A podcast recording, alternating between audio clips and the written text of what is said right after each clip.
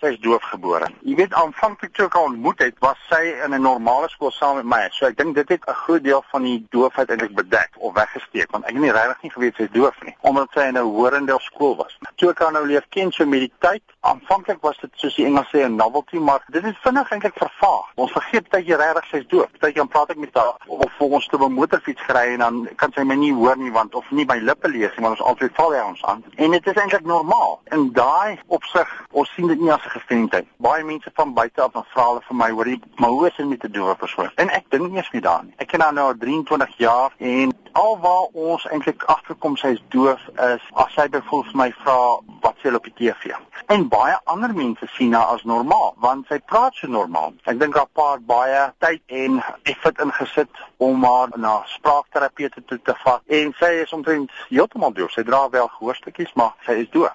Is daar dalk 'n spesifieke geval wat uitstaan waar haar gehoorgestremdheid wel 'n groot struikelblok was? Meeste van die gehoorgestremde mense bestuur outomatiese motors want hulle kan nie die ratte hoor nie. Nou sy bestuur 'n normale ratmotor en sy hou net die revolusiemeter hou sy dop en dan verwissel sy ratte. Maar die ander ding is, as hy byvoorbeeld 'n uh, toets moet aflê, en dis nou onlangs 'n challenge wat ons gesien het. Die taalgebruik is baie baie hoog. Sê maar die konsepte in Afrikaans is nie skepinge en die klas van dinge. En sy verstaan nie altyd die nuwe woord se betekenis nie. En dan wil sy byvoorbeeld helderheid, maar hulle mag dit nie vir haar gee nie. En ek dink dit is waar hulle gestremdes byvoorbeeld hulle moet daaraan werk. Want taalkonsepte vir 'n gestremde is moeiliker as vir 'n horende. Hoe gaan Astrid te werk in ander fasette van haar lewe soos byvoorbeeld sport en so aan?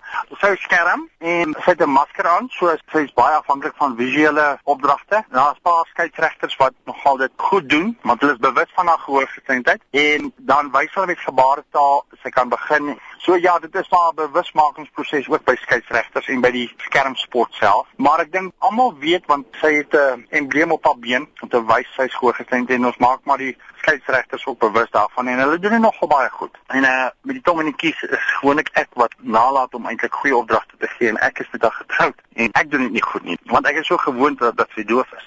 En daar's 'n groot debat aan die gang tussen mense wat baie pro is om lippe te lees en mense wat baie pro is om gebaretaal te praat. En soos ek verstaan, praat Astrid nie gebaretaal nie. Ja, kom ek sê vir jou waar kom die debat vandaan? Hulle sê gebaretaal is die 11de taal van Suid-Afrika. Maar as 'n mens gebaretaal magtig is, dis goed en wel, maar dan skep jy 'n kultuur wat net met 'n ander gehoorgestremde kultuur kan kommunikeer. Jy maak nie die persoon wat gehoorgestremd is, jy bemagtig hom nie om met die normale aan aanhalingstekens sê maar horende samelewing te kommunikeer nie. Sy het na gewone skool toe en sy het geleer lippe lees. Sy kan glad nie gebaretaal praat nie. Maar ek dink die nadeel van gebaretaal is nie baie mense is magtig nie. Alhoewel daar bewusmakingsveldtogte is, dit werk nie. Maar ja, dis nou 'n polemiek en dit sal seker nog lank nog aanhou, maar ek is bly vir Asita pad dat sy gaan liplees doen. Maar ek neem aan dan meeste van haar vriende en so is dan almal hoor en dat sy nie baie kommunikeer met dowe mense nie. Ja, alhoewel op haar Facebook profiel het sy baie kontak met gehoorgestremde belangegroepe en ek kan dit verstaan want almal deel dieselfde tekortkominge, hulle deel idees uit en so maar sy het in haar lewe ek dink 2 of 3 gehoorgestremde vriende gehad. Die res is horendes.